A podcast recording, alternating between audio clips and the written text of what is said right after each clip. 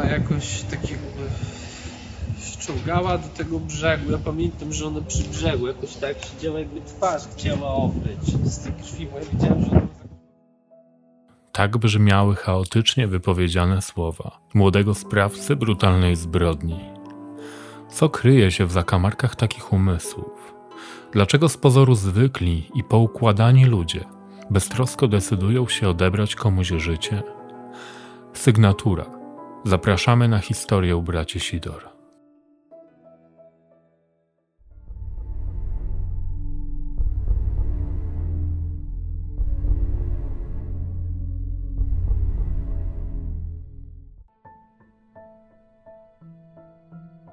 Punkt wyjścia. Augustów. To liczące ponad 30 tysięcy mieszkańców miasteczko, znajdujące się w województwie podlaskim. Jedno z najbardziej popularnych wśród turystów miejsc wschodniej Polski, otoczone Puszczą Augustowską i nazywane najmilszym miastem w Polsce. To tu, w poszukiwaniu szczęścia, pracy i miłości, kilka lat przed 2008 rokiem przeprowadza się 29-letnia Aneta Szyłak, najstarsza córka z pięciorga dzieci Henryki i Klemensa. Kobieta swoje młodzieńcze lata spędza we wsi Pięki, w normalnej, niczym nie wyróżniającej się rodzinie. Rodzice prowadzą gospodarstwo rolne, w którym nieustannie pomaga i ona. Widząc jednak, że utrzymanie wielodzietnej rodziny jest kosztowne, postanawia przeprowadzić się do oddalonego o niecałe 20 km Augustowa, aby znaleźć pracę i wesprzeć rodziców finansowo. Wyjazd do miasteczka ma jeszcze jeden cel. Aneta marzy o znalezieniu prawdziwej miłości. Wprowadza się więc do wynajętego mieszkania wraz z jedną z młodszych sióstr. Mimo skromnej edukacji szybko znajduje pracę, podejmując się sprzątania w jednym z urzędów. Wśród współpracowników uchodzi za dobrą i pracowitą osobę. Tak też o niej mówi rodzina. Dobra, miła i zawsze uśmiechnięta, pełna marzeń. Nigdy nie stroni od pomocy innym. Jak większość kobiet w tym wieku, myśli o prawdziwej miłości, wyjściu za mąż i założeniu kochającej rodziny. Aneta jest bywalczynią augustowskich klubów, do których uczęszcza w poszukiwaniu partnera. Jest jednak mała przeszkoda. Dziewczyna nie ma powodzenia u płci przeciwnej, a z powodu swojej nieśmiałości i wyglądu szarej myszki ma problem z nawiązywaniem nowych kontaktów. To jej jednak nie zniechęca. Postanawia poszukać szczęścia w internecie. Na jednym z portali poznaje mężczyznę, który po krótkiej pogawędce proponuje jej spotkanie. Dziewczyna jest ufna i bez chwili zwątpienia przyjmuje propozycję nieznajomego. W końcu dąży do bycia szczęśliwą u boku kochającego mężczyzny. Ma nadzieję, że kimś takim okaże się nowo poznany w internecie nieznajomy. Wszystko zmienia się, gdy na jej drodze staje dwóch braci Tomasz i Paweł Sidor. Mężczyźni pochodzą ze zwykłej rodziny, niezbyt majętnej, ale nie patologicznej. 24-letni Tomasz, starszy z nich, na co dzień mieszka w Anglii do której wyjechał w pogoni za pieniędzmi. Jest spełnionym mężem i ojcem sześciomiesięcznego dziecka. 21-letni Paweł to uczeń augustowskiego technikum AC. Spokojny i dobry chłopak, lubiany przez rówieśników, choć nieśmiały i skryty w sobie. Wśród kobiet uważany za dżentelmena i przystojniaka. Bracia po długiej nieobecności starszego Tomka w kraju postanawiają zabawić się w rodzinnym mieście. Eskalacja.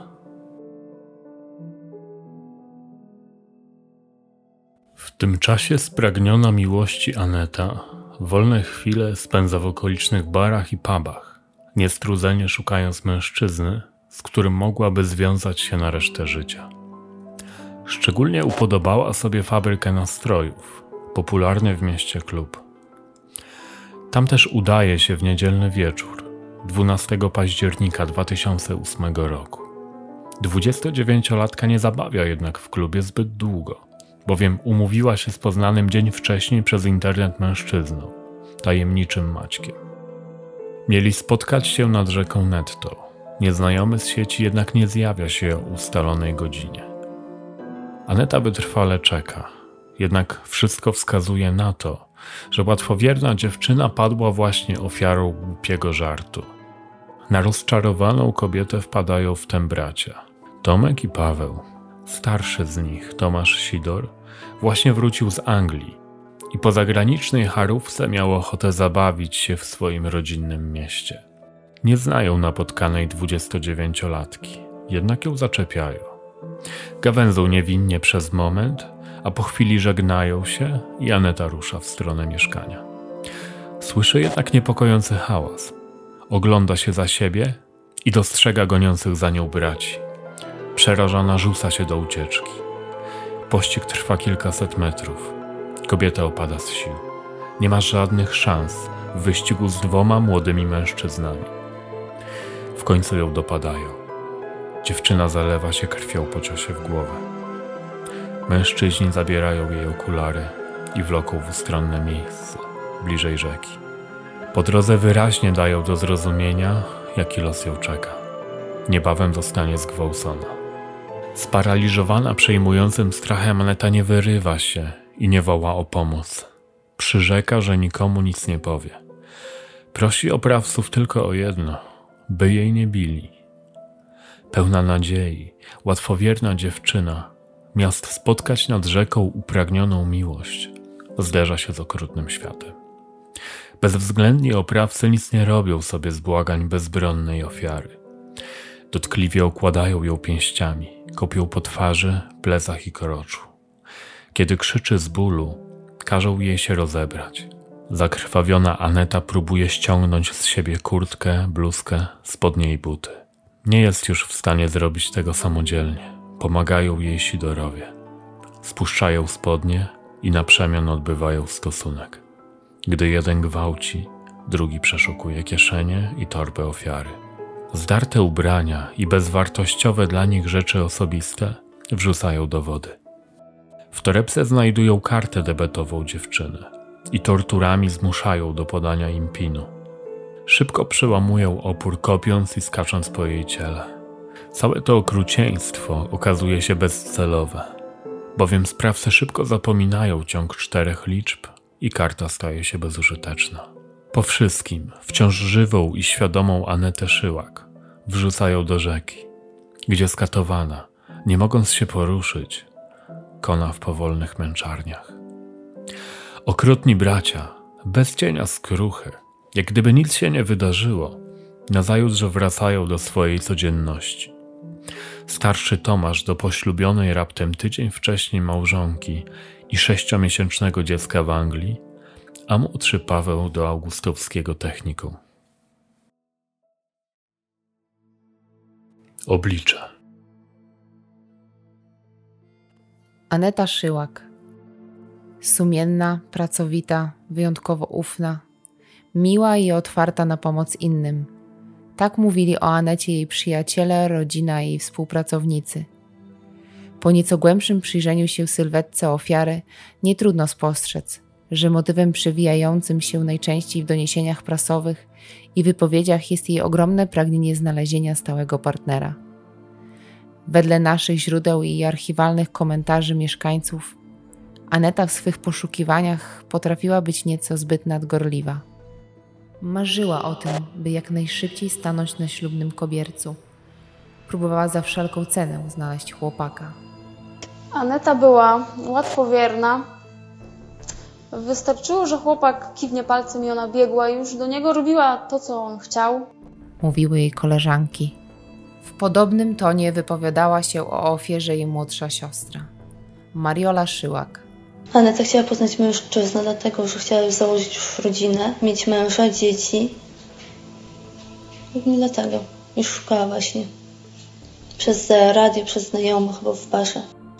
Choć brak na ten temat szczegółowych bądź oficjalnych informacji, liczne nieoficjalne źródła wspominają też o lekkim upośledzeniu dziewczyny. To tłumaczyłoby delikatnie dziecięcą zawziętość w poszukiwaniu miłości oraz ogromną ufność w stosunku do obcych, o której wspominała sama matka zamordowanej. Marzyłaby wyjść za mąż, mieć rodzinę i własny dom. Bardzo ufała ludziom. Może trochę za bardzo. Wspomniane wyżej czynniki czynią z Anety Szyłak osobę szczególnie predestynowaną do zostania celem potencjalnego sprawcy zbrodni, bowiem według wiktymologicznej klasyfikacji Schaffera była człowiekiem słabym psychofizycznie. Oznacza to, że z uwagi na swoją ufność, beztroskość oraz częste samotne wypady do barów i klubów, była bardziej narażona na stanie się ofiarą niż przeciętny człowiek. Warto przy tym podkreślić, że pojęcie predestynacji w żaden sposób nie służy krytyce ofiary i usprawiedliwieniu sprawców, a analizie, która ma w zamierzeniu pomóc osobom najbardziej narażonym na zbrodnie.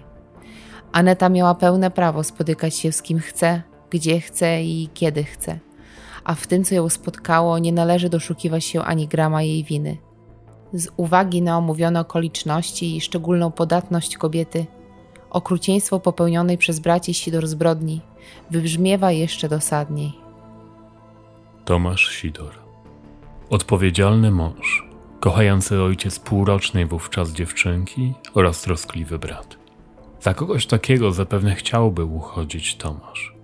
Jednak z komentarzy anonimowych osób znających sprawcę wyłania się zgoła inny obraz.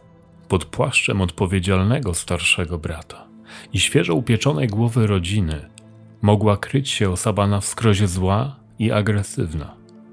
Tykająca bomba, która w końcu musiała wybuchnąć.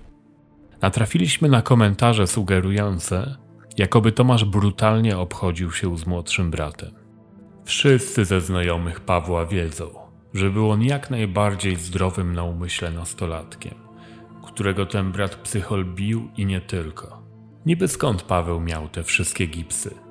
Taka jest prawda, więc nie zdziwię się, jeśli Tomek zrobił to sam z premedytacją jeszcze wkopuje młodszego brata, bo boi się kompromitacji wśród znajomych i rodziny. Pisze internauta, podający się za znajomego braci. Paweł Sidor, młodszy z braci, uczeń augustowskiego technikum AC. Spokojny i dobry chłopak, dżentelmen, dobry, uczynny, kobiecie nigdy nie ubliżał opowiada jedna z koleżanek Pawła. Po tym młodszym, a znam go trochę, to prędzej spodziewałabym się, że misjonarzem zostanie, niż zrobi coś takiego. Mówi jedna z opinii na forach. Nie każdy jednak odbierał przed zbrodnią Pawła tak ciepło. Dotarliśmy do komentarzy sugerujących, że młodszy z braci w podstawówce był nielubiany wśród rówieśników i przynajmniej w oczach niektórych uchodził za dziwaka. Ponoć bywał też agresywny, Stale szukał zaczepek i wydawał się w bójki. Odkąd pamiętam lata podstawówki, był raczej nielubiany i niechciany przez społeczeństwo. Wielu widziało w nim lalusia, pederastę. Być może odcisnęło to na nim takie piętno, warunki środowiskowe. Zresztą wiem, bo wiem. Miał hobby szukania zaczepek, bicia zupełnie przypadkowych ludzi, gdy tylko był w towarzystwie. Zastanawiające jest to, jak skrajnie różnie odbierany był Paweł przez swoje środowisko. Czyżby wizerunek uczynnego i nieśmiałego chłopaka był jedynie maską dla agresji i rodzących się w głowie latami morderczych fantazji? Jeśli Paweł rzeczywiście przejawiał takie skłonności do nieuzasadnionej agresji, co mogło jej powodować? Szkoła i rówieśnicy? Problemy w domu? Chęć zaimponowania? Niewyżycie seksualne i problemy w kontaktach z płcią przeciwną? Być może po prostu taka była jego natura. Podobne pytania od dziesiątek lat trapią wielu kryminologów i prawdopodobnie nigdy nie uzyskamy jednoznacznej odpowiedzi. W wielu nieoficjalnych źródłach klaruje się obraz Pawła jako tego uległego, podporządkowanego bratu, ponoć bitego i zastraszanego, co mogło prowadzić do agresji i frustracji. Widoczna na zdjęciach i eksperymencie procesowym złamana ręka chłopaka, wedle relacji anonimowych mieszkańców Augustowa, miała być dziełem starszego brata. W literaturze możemy spotkać się z poglądem, że w sytuacji, gdy za zbrodnie odpowiedzialna jest para przestępców, wyróżnić da się stronę uległą i dominującą. Z badań przeprowadzonych przez amerykańskiego psychologa sądowego Erika Hickeya wynika, że strona dominująca wykorzystuje cechy strony uległej, takie jak naiwność, upośledzenie, potrzebę zaimponowania bądź akceptacji, by przejąć nad nią kontrolę. Taka nierównorzędna relacja wystąpiła w każdej z 500 analizowanych przez niego par seryjnych morderców. Badania te są bardzo wymowne w kontekście zbrodni dokonanej przez braci. Sugerują bowiem, że któryś z nich musiał być prowodyrem i mózgiem operacji. Doniesienia prasowe i anonimowe komentarze zdają się wskazywać na starszego Tomasza. Biorąc jednak pod uwagę dostrzegalną po aresztowaniu zuchwałość obu braci oraz brak widocznej skruchy, trudno jest stwierdzić, by którykolwiek z nich został w morderstwo wmanipulowany. Obaj nonszalancko wypowiadali się o zbrodni. Twierdzili przykładowo, że zabili Anetę, bo wydała im się brzydka, a oni się nudzili. Mówili też, że zgodziła się na seks i po wszystkim sama wpadła do wody, co szybko i bez cienia wątpliwości obalili biegli sądowi. Niemniej jednak są to tylko nasze osobiste wnioski, poparte przytoczoną statystyką oraz wiedzą pozyskaną z dość skąpo dostępnych materiałów. W opozycji do dominującej w sprawstwie pozycji Pawła stoi również wymiar kary. Sidorowie zostali potraktowani przez sąd z równą surowością. Pojawia się jednak pytanie, w głowie którego z nich zrodził się plan brutalnej napaści na bezbronną, niewinną kobietę? Tego nie wiemy, jednak możemy być pewni, że zbrodnia taka jak ta rodzi się w głowie sprawcy na długo przed jej popełnieniem. Na podstawie analizowanych przez psychologów i kryminologów przypadków, z dużym prawdopodobieństwem da się założyć, że bracia musieli fantazjować o brutalnym mordzie miesiącami, a może nawet latami. Do zbrodni niekoniecznie musiało dojść tego dnia, a ofiarą niekoniecznie musiała być Aneta. Jednak jesteśmy prawie pewni, że mordercze instynkty oprawców znalazłyby ujście w innym miejscu i czasie – a ucierpiałaby inna kobieta. Wartą rozważenia kwestią jest to, czy bracia fantazjowali wspólnie, czy może któryś z nich sprowokował te myśli u drugiego. Co więcej, trudno uwierzyć w to, że decyzję o zbrodni podjęliby spontanicznie na miejscu. Z pewnością musiało dojść wcześniej do mniej lub bardziej konkretnych ustaleń i wymiany fantazji. Co je powodowało? Nie wiemy na pewno, ale najczęstszą przyczyną takich wypaczonych myśli jest nienawiść do kobiet, seksualna frustracja i problemy w dzieciństwie. Czy realizując swoje chore fantazje, liczyli się z możliwością ujęcia?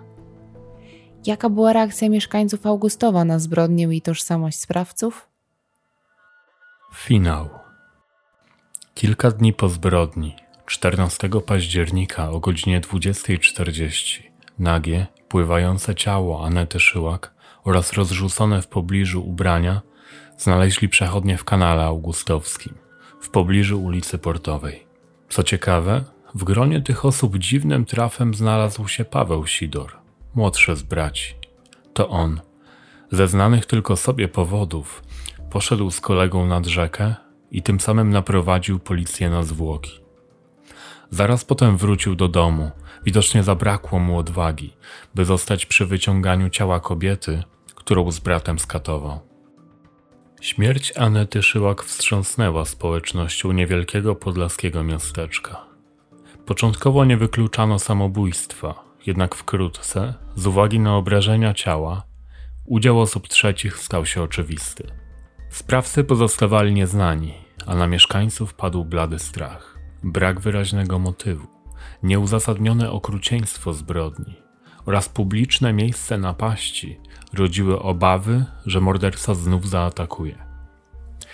Temat brutalnego mordu nad Nettą jeszcze przez długi czas był na ustach mieszkańców Augustowa. Unikano wieczornych spacerów oraz bulwarów, przy których znaleziono zwłoki.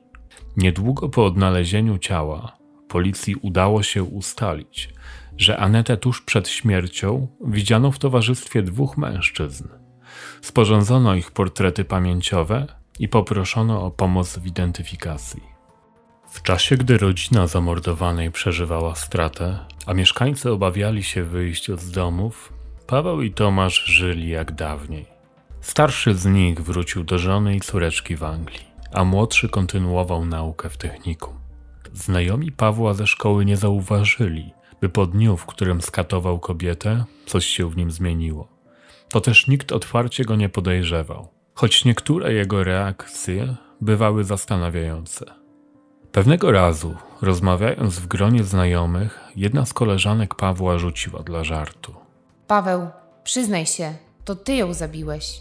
Ten wówczas wściekł się i stanowczo zabronił żartować sobie z niego w ten sposób. Jego zakłopotanym koleżankom nawet przez myśl nie przeszło, że naprawdę rozmawiają z gwałcicielem i mordercą nieszczęsnej kobiety. A niewinny żart okaże się proroczy. Jakiś czas po wspomnianej rozmowie obu braci ujęto. Podejrzanych zatrzymano 28 kwietnia 2009 roku. Według świadków zatrzymania bracia Sidor sprawiali wrażenie przygotowanych na wizytę policji. Sprawa była skomplikowana. Brakowało naocznych świadków, padający nocą deszcz zatarł większość śladów, a pobliski monitoring uległ awarii, więc policjanci przez pół roku żmudnie weryfikowali i eliminowali liczne wersje możliwego przebiegu zdarzeń. W końcu udało się wytypować tożsamość sprawców. Podkreślano przy tym niemało rolę mieszkańców miasta, którzy wzorowo współpracowali z policją i zgłaszali się z nowymi informacjami. W kuluarach mówiło się też o krecie w technikum Pawła, który miał mieć na niego oko. Swoją rolę w ujęciu sprawców odegrał również kultowy już program 997 Michała Fajbusiewicza, który pomógł nagłośnić sprawę i uzyskać od mieszkańców wiele cennych sygnałów. Na jego łamach z rąk prowadzącego podlascy policjanci otrzymali statuetkę Temidy, którą następnie przekazano mieszkańcom Augustowa za czujność oraz obywatelską postawę. 21-letni Paweł i 24-letni Tomasz zostali oskarżeni o zabójstwo ze szczególnym okrucieństwem, a także o kradzież dokumentów ofiary i karty bankomatowej. Sam proces, jak i uzasadnienie były utajnione z uwagi na dobra osobiste rodziny zamordowanej Anety Szyłak. Oskarżeni przed sądem przyznali się do gwałtu i brutalnego pobicia, jednak wypierali się morderstwa. Wyrok zapadł po ponad roku od ujęcia pod koniec maja 2010 roku. Bezlitośni bracia zostali skazani na 25 lat więzienia z możliwością warunkowego zwolnienia po odbyciu 15 lat kary. Oskarżonych Tomasza Sidora i Pawła Sidora uznaje winnych tego, że w dniu 13 października 2008 roku w Augustowie działali wspólnie i w porozumieniu w zamiarze bezpośrednim pozbawienia życia Anety Szyłak. Powiedział sędzia Marcin Walczuk w uzasadnieniu wyroku. Józef Murawko z prokuratury okręgowej w Suwałkach tak skomentował sprawę. Chyba tylko raz zetknąłem się w swojej karierze z tak okrutną zbrodnią. Można powiedzieć, że ona miała obrażenia od głowy do stóp, z przodu, z tyłu, z boku, nie mówiąc już o złamaniach czaszki. Od wydanego wyroku do sądu apelacyjnego w Białymstoku trafiły apelacje zarówno prokuratora, jak i obrońcy oskarżonych. Pomimo podobnej roli w popełnieniu zbrodni, oskarżyciel domagał się dożywotniego pozbawienia wolności dla starszego z braci z uwagi na wiek. W przeciwieństwie do młodszego Pawła, Tomasz nie był już młodociany i mógł zostać skazany na najwyższy przewidziany w polskim prawie wymiar kary. Białostocki sąd oddalił obie apelacje i podtrzymał poprzedni wyrok. Tak sąd uzasadnił swoją decyzję. Zabójstwo było wyjątkowe, ale kara 25 lat więzienia powinna być wystarczająca. Tożsamość sprawców była wielkim szokiem dla społeczności augustowskiej. On naprawdę był dobrym, ciepłym chłopakiem. My długo nie mogłyśmy do siebie dojść, że to on i jego brat, mówiła jedna z osób znających Pawła. Ludzie nie dowierzali, że za sprawą brutalnego mordu stała dwójka braci. W internecie wśród mieszkańców rozgorzała dyskusja. Obrońcy braci Sidor ścierali się z żądającymi sprawiedliwości dla Anety. A co do braci, to jestem pewien, że nie popełnili tego czynu umyślnie. Musiała być jakaś prowokacja i alkohol. Działali impulsywnie. Nie zrobili tego z premedytacją i nie było to zaplanowane. Świadków nie ma, więc się nie dowiemy. Jednak po alko zaciera się nieco pamięć, nie przeżywa się tak wszystkiego jak na trzeźwo. Może do nich też po otrzeźwieniu nie docierało to, co sami zrobili. Pisał w sieci jeden z licznych obrońców morderców.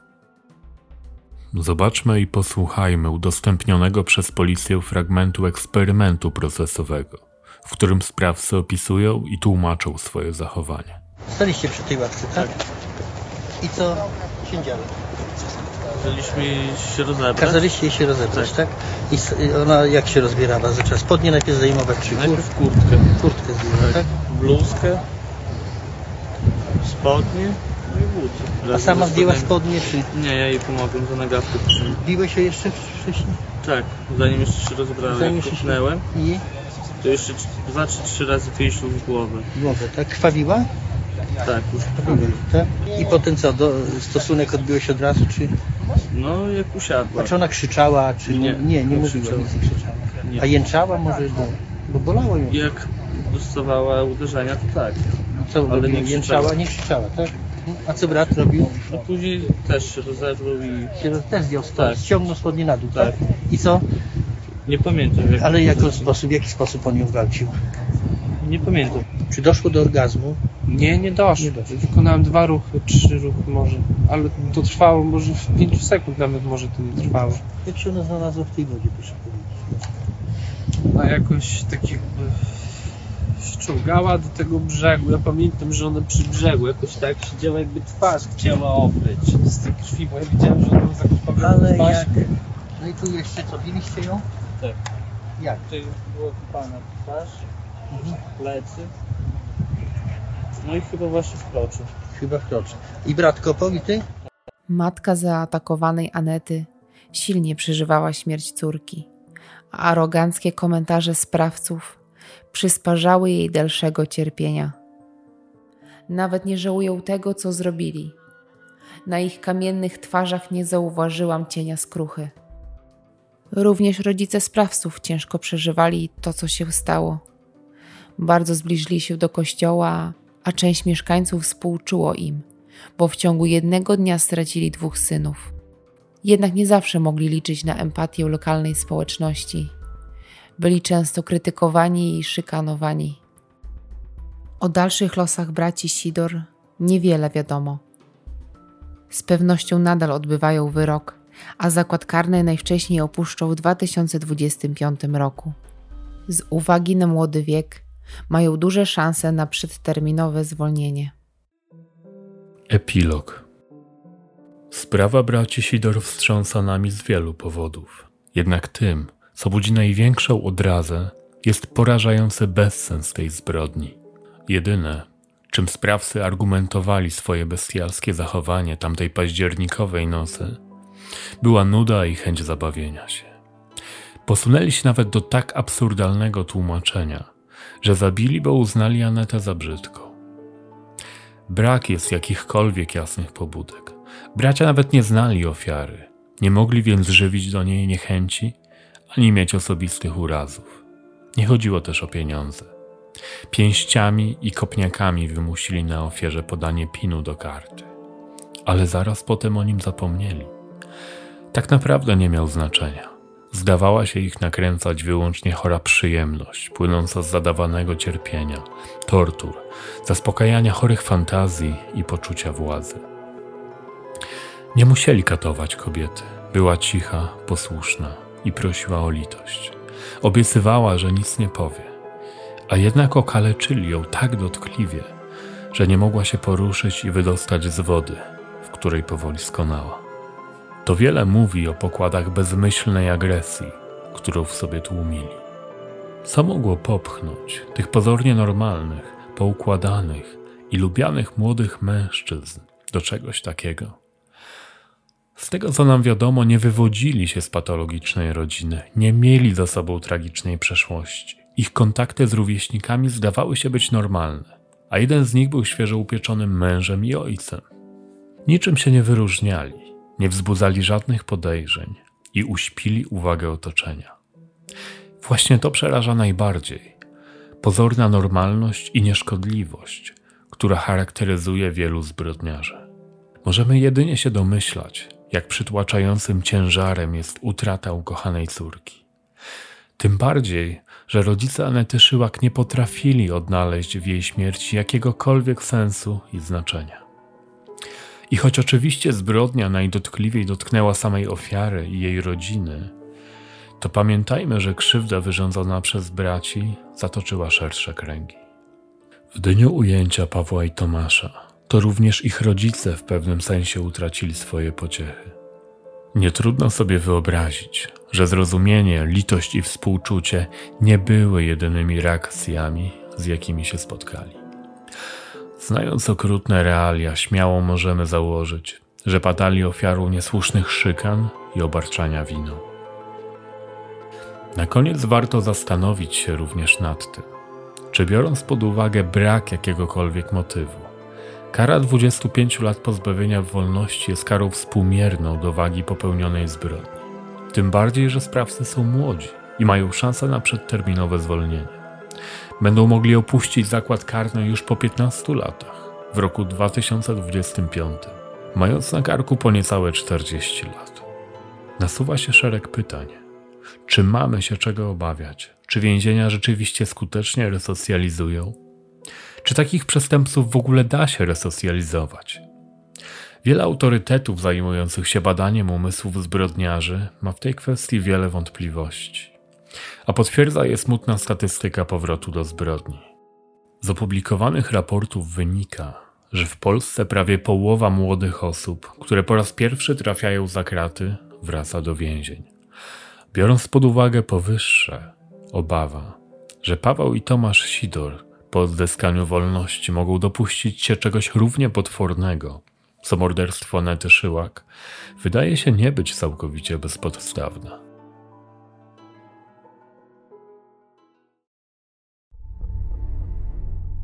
Sygnatura. Opowiedzieliśmy historię braci Sidor.